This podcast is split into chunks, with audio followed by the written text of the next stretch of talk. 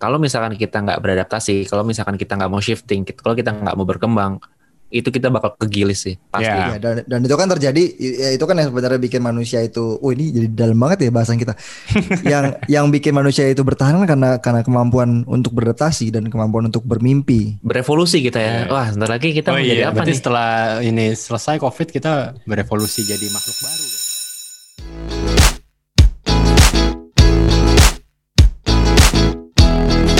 Ini teman kita ada yang satu liburan nih dia, nggak kerja sama sekali nih. Iya nih Bapak. kayaknya kali ini Kakak Didit lagi absen dulu. Kakak. Kakak Didit. Oh, Bapak Family ya Bapak first. Didit. Eh, Oh ya, calon Bapak Didit ya. Amin. Karena Bapak Didit mau lahiran. Istrinya. istrinya. Istrinya, istrinya. Bukan anaknya yang lahiran. Nih, Gimana nih? Udah nih ap- masih five five liburan atau Wah banget bro. udah mulai kerja nih, udah mulai gaspol lagi nih? Udah mulai kerja dengan vibe liburan. Itu parah sih. Males. masih jet lag, jet lag gitu sih katanya. Masih males banget. Gue sih enggak ya. Woi.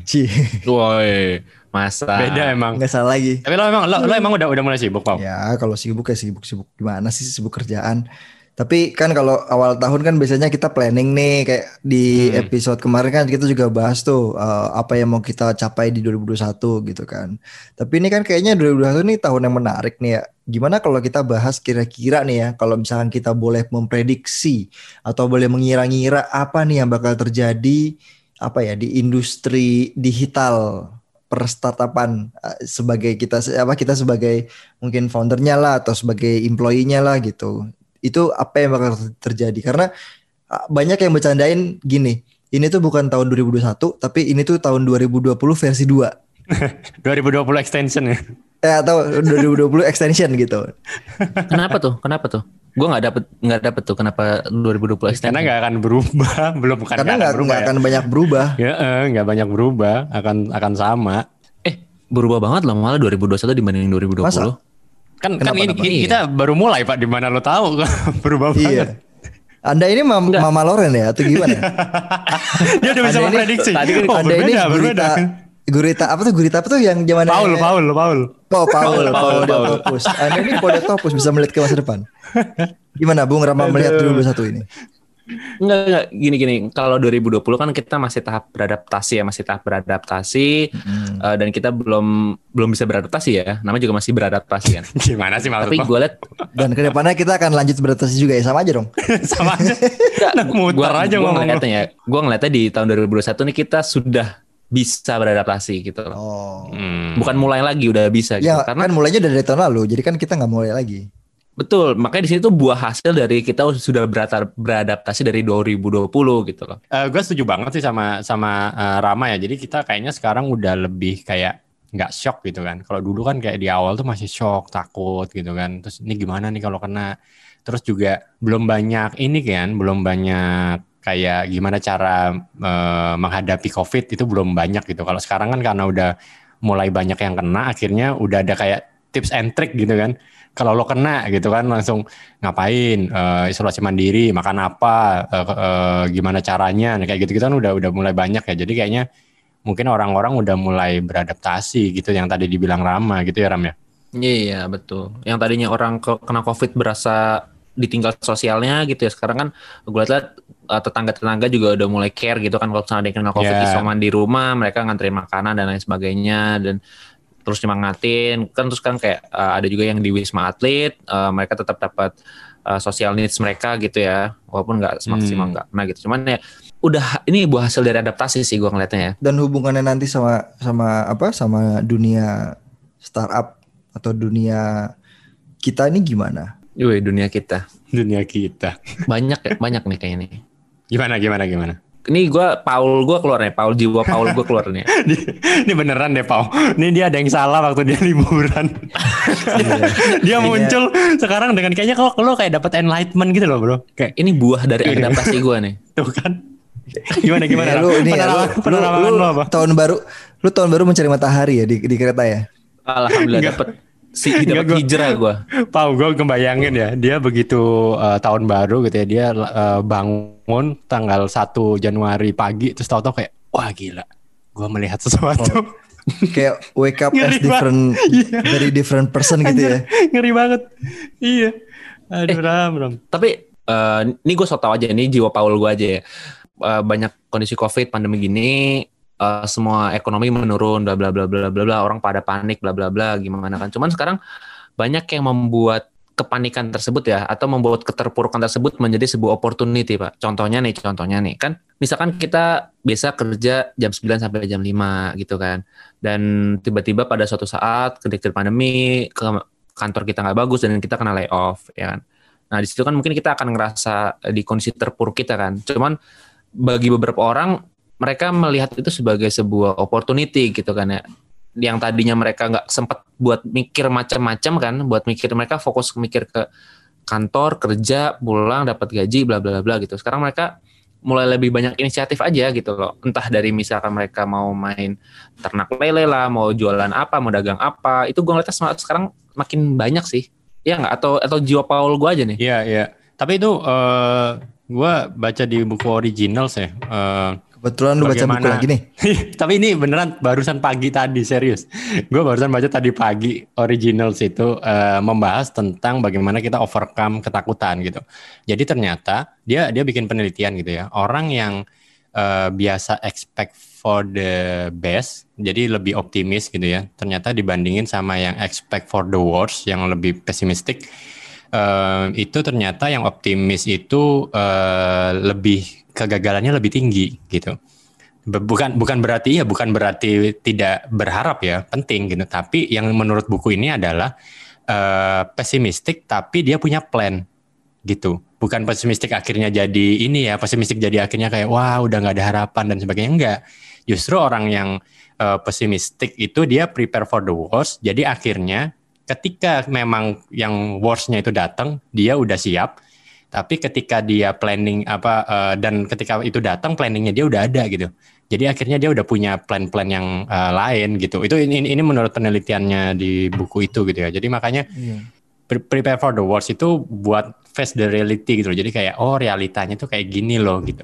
Karena optimistik tanpa plan itu jauh lebih berbahaya daripada pe- pesimistik dengan plan Menurut gue setuju masalah eh, apa namanya orang yang yang yang ya mungkin sounds a bit pessimistic l- tapi beda kan eh, beda kan tadi yang lu bilang antara pesimistik sama yang hopeless.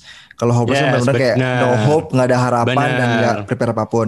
Tapi Ya. kan di sini pesimistik itu lebih ke apa ya? Menurut gua pesimistik orang-orang yang pesimistik yang punya plan itu bisa dibilang sem- sebagai apa ya mungkin orang-orang yang realistis. Ya namanya hidup pasti akan ada aja yang yang yang apa yang nggak sesuai dengan harapan kita makanya kita siap-siap gitu kan. Nah Mm. menurut gue itu lebih lebih realistis. Tapi kan pas tadi masuk ke poin kedua pas lu tadi lu bilang lebih bahaya optimistik yang nggak punya plan dibanding pesimistis yang punya plan. Ya itu udah obviously memang betul gitu kan. Tapi kan ya. berarti kan kuncinya adalah ya kita make sure punya plan gitu kan. ya ya Dan- itu yang, itu yang- dan- itu yang penting Ah, itu yang paling penting kan. Eh, apakah kita pesimistik atau kita optimistik by nature? Yang penting adalah kita punya plan untuk siap-siap. Apakah kita siap di tone yang positif atau tone yang negatif? Nah, ya di 2021 itu kan sebenarnya tone mungkin ya tadi makanya banyak orang yang bilang 2020 extension gitu kan versi extended gitu. Nah, Hmm. itu kan sounds apa? Aneh. Bukan, Pesimistik. soundsnya udah udah udah semacam pesimistik pesimistik tapi menurut gua itu eh, cukup realistis karena ya memang yang bikin yang bikin tahun 2020 itu sebegitu runyamnya ya itu belum belum selesai dari 2021 jadi kalau kita mau memprediksi ap- apa yang terjadi di 2021 more or less akan nggak jauh beda dari 2020 kecuali kalau misalkan ada beberapa faktor mungkin yang yang bisa bikin eh, 2021 itu jadi jauh lebih eh, apa ya berbeda atau lebih baik dibanding 2020 tapi itu kan kita juga belum tahu nih yaitu adalah si vaksin ini kan. F- Ya. well actually Oh, iya, vaksin iya, satu hal tapi kalau misalkan eh, yang paling penting adalah eh, angka yang eh, aktif apa aktif casesnya habis itu death rate-nya segala macam itu kan menurun. Yang paling penting itu lu mau vaksin atau enggak sebenarnya kan kasarnya gitu lu mau pakai vaksin atau atau gimana pun lu jumlahkan gimana pun kalau angkanya nggak turun orang pasti akan gini-gini aja dalam sisi bisnis Hmm, menurut gua gua tentu nggak agree sih Pau. Uh, gua masih agree sama Rama ya. Jadi kayak mungkin kondisi uh, apa COVID-19-nya belum akan banyak berubah, tapi adaptasi kita akan berbeda gitu. Jadi uh, bagaimana kita menghadapi situasinya itu berbeda dan itu akan hasilnya akan berbeda sih menurut gua. Uh, kayak, kayak karena contohnya kayak sekarang nih ya, uh, Menkes kita yang baru kan bilang ini vaksin selesai dalam tiga setengah tahun gitu kan, udah clear nih, berarti kan nggak akan kelar dalam tiga tahun gitu kan, ini uh, COVID gitu. Dan akhirnya Betul. orang jadi karena udah tahu, oh masih lama, ya udah, yuk gimana caranya kita beradaptasi nih, karena nggak mungkin kita kayak gini-gini tahun, gini-gini aja dalam tiga tahun gitu kan. Betul. Nah, nah jadinya kan bentuk, kan, jadinya kan kita, jadinya kan kita ke survive survival mode, yeah. tapi agak sedikit tweak gitu lah. Kalau kemarin kan mungkin 2020 kayak bener-bener yang apa gak ya? tahu ya gitu kan ya. Gak tahu gimana gitu nih, kan. Gimana nih? Ya, ya, ya. Nah, kalau yang yeah. di 2021 ini tentu yang lebih ke oh udah udah tahu kalau ini bakal lama, jadi yuk kita beradaptasi. Gimana caranya kita merubah adaptasi kita? Kayaknya gitu, Pong. Betul, betul. Uh, itu gue waktu ngeliat tweet siapa gitu ya. Uh, lebih baik kita berdoa ketim ketimbang kita ketika kita doa semoga 2021 itu menjadi tahun yang lebih baik gitu ya. Mending uh, kita ngomong bahwa semoga di tahun 2021 kita bisa jadi lebih kuat gitu. Nah, jadi uh, kuat di sini gue nganggapnya sebagai adaptasi ya karena uh, mungkin ngomongin yang tadi optimistik dan lain-lainnya ya. Seringnya ini seringnya ya, seringnya uh, apa namanya? Seri seringnya kalau kita itu udah optimis, udah optimis ya, maksudnya kan as long as kita ini dalam kondisi yang fine ya kan? Atau bahasa bahasanya di zona nyaman gitu kan. Kita tuh minim planning biasanya yeah. loh ya biasanya. Tapi ketika kita di dalam kondisi yang sudah terpuruk itu kita dipaksa untuk berpikir ya kan? Baru kita planning. Jadi makanya di di masa-masa kayak ini tuh apa ya hmm, opportunity threat dan opportunity ya anak SWOT-nya ngomong kayak gitu hmm. sih ya ya ya ya uh, karena gini, uh, ada yang namanya kan toxic positif positivisme ya. Jadi kayak yang lo kalau terlalu positif itu bisa jadi toxic juga gitu. Kayak contohnya kemarin nih, gue ngelihat ada uh, apa spanduk di jalanan gitu ya. Ya mungkin niatnya baik lah ya. Dia bilang katanya COVID-19 pasti akan selesai ya iyalah pasti akan selesai. Cuma kan martanya kapan gitu. kapan dan, kapan dan, dan dan dalam kondisi apa kita selesaikan? Itu itu iya ya, makanya. Ya, itu apa? Jadi gitu menurut kan, gua oke okay, itu membangun posit, uh, positivisme. Jadi kita kayak oh iya ada hope gitu. Tapi menurut gua itu toxic sih gitu. Jadi lebih baik kayak ya. oke okay, uh, uh, uh, mending bilang kayak ini masih lama selesainya. Yuk sekarang kita mau ngapain? Mending kayak gitu gitu. Daripada yang kayak COVID pasti berlalu. ya iya tahu. Tapi kapan gitu kan pertanyaannya. Iya, itu tuh kayak uh, wake me up when September ends gitu kan. Tapi kita juga nggak tahu apa yang terjadi. Nah, iya. Berarti sampai September kita tidur terus itu ya? Gak apa-apa. kayak gitu eh, kan? Menarik, menarik. Berarti kan, gak, berarti gini kalau kita balikin lagi, ini kan kita agak sedikit apa sideways ya ngomongin pesimistik optimistik. Tapi kalau kita mau balikin lagi nih, kalau ke kondisi industri uh, ya mungkin nggak nggak muluk-muluk lah. Lebih hmm. ke arah apa sih? Dari way of work kita apa yang bakal beda terus career development apa yang bakal beda.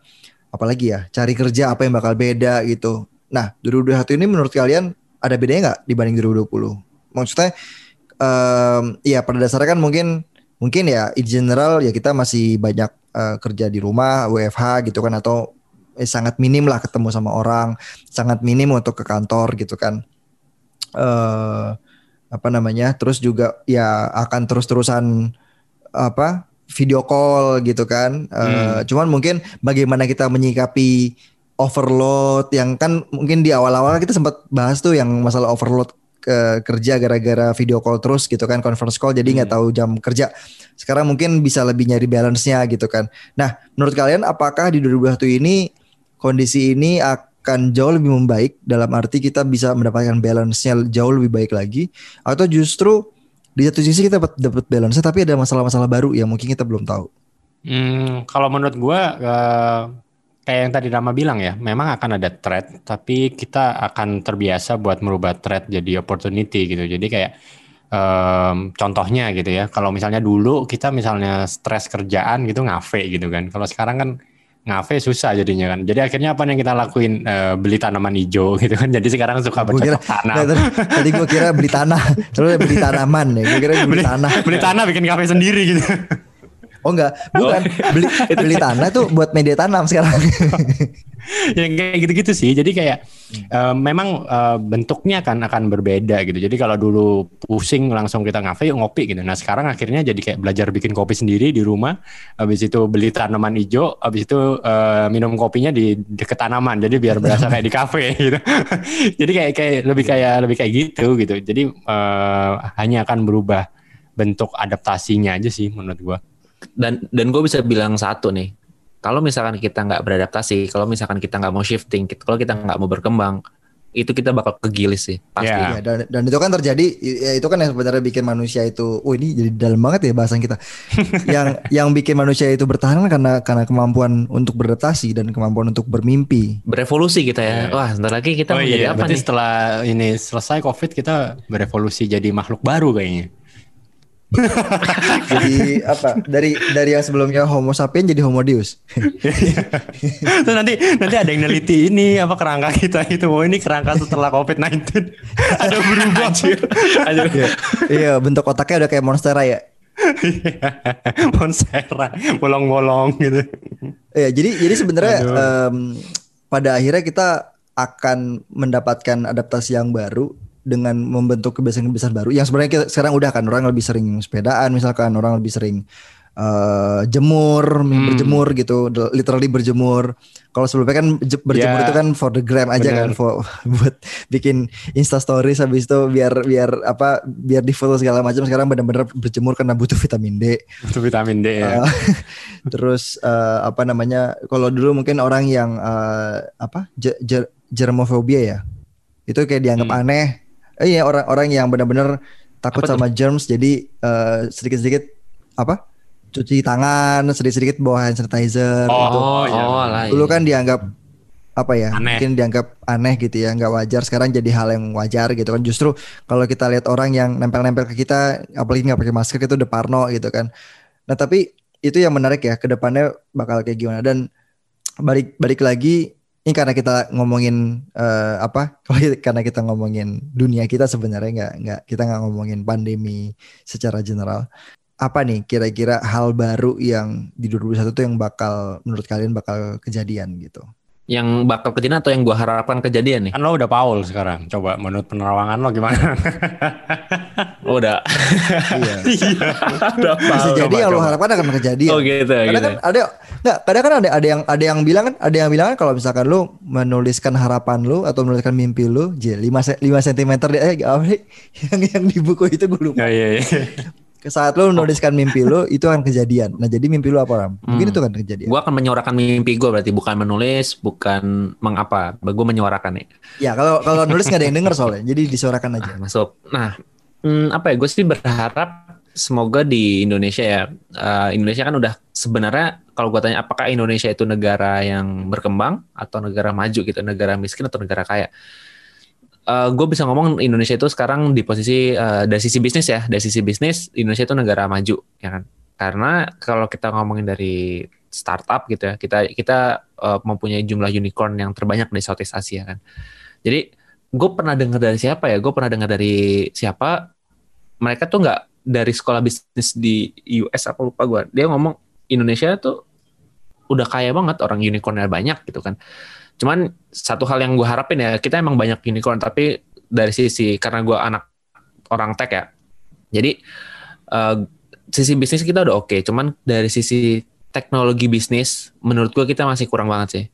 Let's say, let's say paling gampang ini, nggak belum ada nih Tesla dari Indonesia, nah, belum nah, ada nih teknologi bisnis atau bisnis teknologi. Nah, itu menurut gue yang Indonesia ini sekarang belum belum kena dan dan yang waktu expect gue ke 2021 itu adalah hal itu sih. Hmm. Tapi kalau kalau ngomongin reality deh, uh, Pau, mungkin lo lo ada ada gambaran, lo pernah baca kira-kira apa yang akan terjadi, terutama di startup ya, dunia startup ya. Tadi lo bilang 2021, kira-kira Indonesia akan ada tren apa sih? Um, ya kalau kalau dari berita kan uh, yang sekarang lagi santer itu kan masalah merger ya. Oh iya, kita mengawali uh, 2021 dengan mergernya dua unicorn gitu ya. Iya, ada ada ada santer ada mer, ada merger itu kan. Ini jadi hal yang menarik sih, hal yang menarik mm -hmm. di mana uh, ya bisnis atau apa startup bisnis tech lah kalau memang kejadian ini akan jadi Hmm. akan bikin apa suatu napas baru ya dalam artian oh ternyata bisa loh yang yang sebelumnya karena kan mungkin di awal Betul. kita nggak pernah membayangkan Dirubah. eh, dua unicorn ini bersatu kan. Iya iya iya. Kita nggak karena karena mungkin oh Betul. kejauhan nih dan segala macam. Padahal sebenarnya eh, kemarin gue ngobrol sama temen gue eh, sebenarnya na- eh, kunci utamanya e-commerce itu adalah logistik. Hmm. Karena yang bikin sat- ya salah satu yang bikin e-commerce itu jauh lebih reliable dibanding yang lain adalah kepastian barangnya sampai. Berarti kan logistik ya. Ya ya ya. Karena mau barangnya apa pun semua seller bisa jual di mana pun gitu. Tapi quality barangnya sampai dengan cepat dan tepat dan akurat dan segala macam itu kan jadi salah satu value editnya dan itu mungkin jadi jadi hal yang menarik untuk kita lihat. Nah, terus impactnya apa nih ke kita? Nah, sebenarnya kalau impactnya ke kita yang yang kerja, I mean daily apa day to day-nya mungkin nggak gitu ada banyak perubahan ya. Dengan kondisi 2021 yang belum terlalu banyak berubah juga, walaupun sekarang eh, vaksin udah Sebarkan. mulai di eh, apa di Disuntikan disuntikan. disebarkan gitu kan, di, di, di disuntikkan Hmm. gitu kan, dieksekusi, disuntikan ke ke nakes-nakes kita.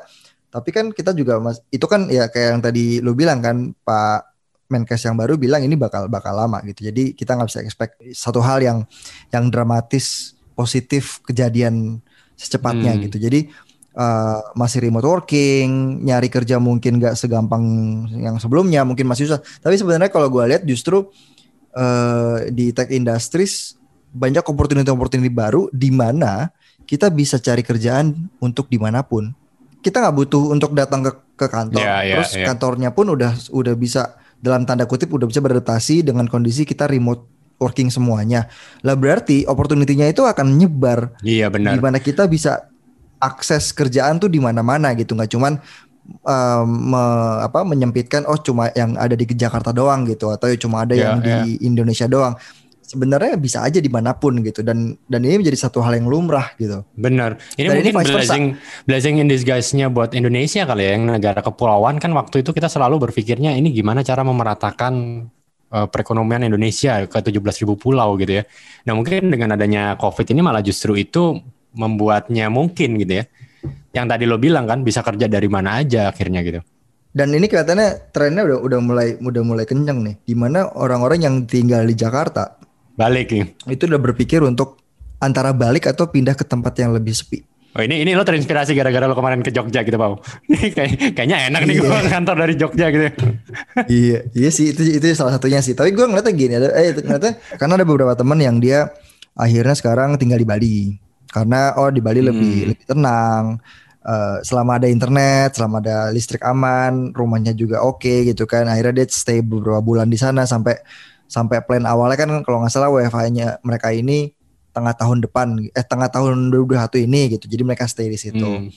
ada yang eh, balik ke kampung halamannya juga ada ada yang akhirnya eh, di balik ke apa balik ke rumah itu nggak cuman kerja eh, kantorannya aja tapi dia juga bikin apa ada yang mulai Iya. ber- Iya menarik menarik. tanam menarik. juga itu juga juga banyak jadi trennya untuk kembali ke ke daerah tuh jadi kenceng sih Ya, Itu jadi ya. hal yang itu itu itu itu gua gua rasain juga sih gua selama WFA ini kan sekitar dua bulan terakhir eh, ya gue juga dari kampung halaman ya. Gue juga mikir kok gue bisa nih kerja dari Surabaya? gitu. Apa terus aja kali ya? Enak pulang pulang ke Surabaya gitu. Jadi kerja kerja dari mana-mana gitu kan. Mungkin le- lebih ke sini nggak sih Ji? Jadi di COVID ini memaksa kita buat lu slow down pace lu deh, lu slow down pace lu, lu pikirin apa yang apa yang ya terbaik buat lo Terbaik. lakuin gitu kan. Jadi kita disuruh untuk mikir lebih bersih gitu loh supaya kita bisa melompat lebih tinggi ya, ya kan anak Jalan Seven. intinya gini sih intinya eh, kalau kalau gue lihat ya oh, dengan segala macam challenge yang ada sebenarnya yang paling penting adalah gimana kita bisa melihat opportunity opportunity yang yang ada gitu atau yang baru gitu tadi yang Rama bilang eh, bagaimana kita bisa convert threat Yeah. jadi opportunity gitu kan kalau kita jadi anak SWOT ya anak eh, yang SWOT banget gitu Oh, anak Ya, fresh gimana- banget ya omongannya SWOT. iya gimana threats yang ada itu kita jadikan opportunities dan itu menurut gua butuh kreativitas yang yang yang jauh lebih tinggi dibanding Benar, sebelumnya benar, ya benar. Jadi Betul, mungkin betul. 2021 ini waktunya bounce back gitu ya. Kayak oke 2020 eh, kita melewati eh, tahun yang berat gitu ya. 2021 ini saatnya yuk eh, bangkit nih gitu. Udah ini re- realitasnya Betul, realitanya masih panjang nih gitu. Eh, Kita nggak mungkin kayak gini terus nih. Jadi kita harus ngapain lagi gitu. Kayaknya gitu ya, Pau ya.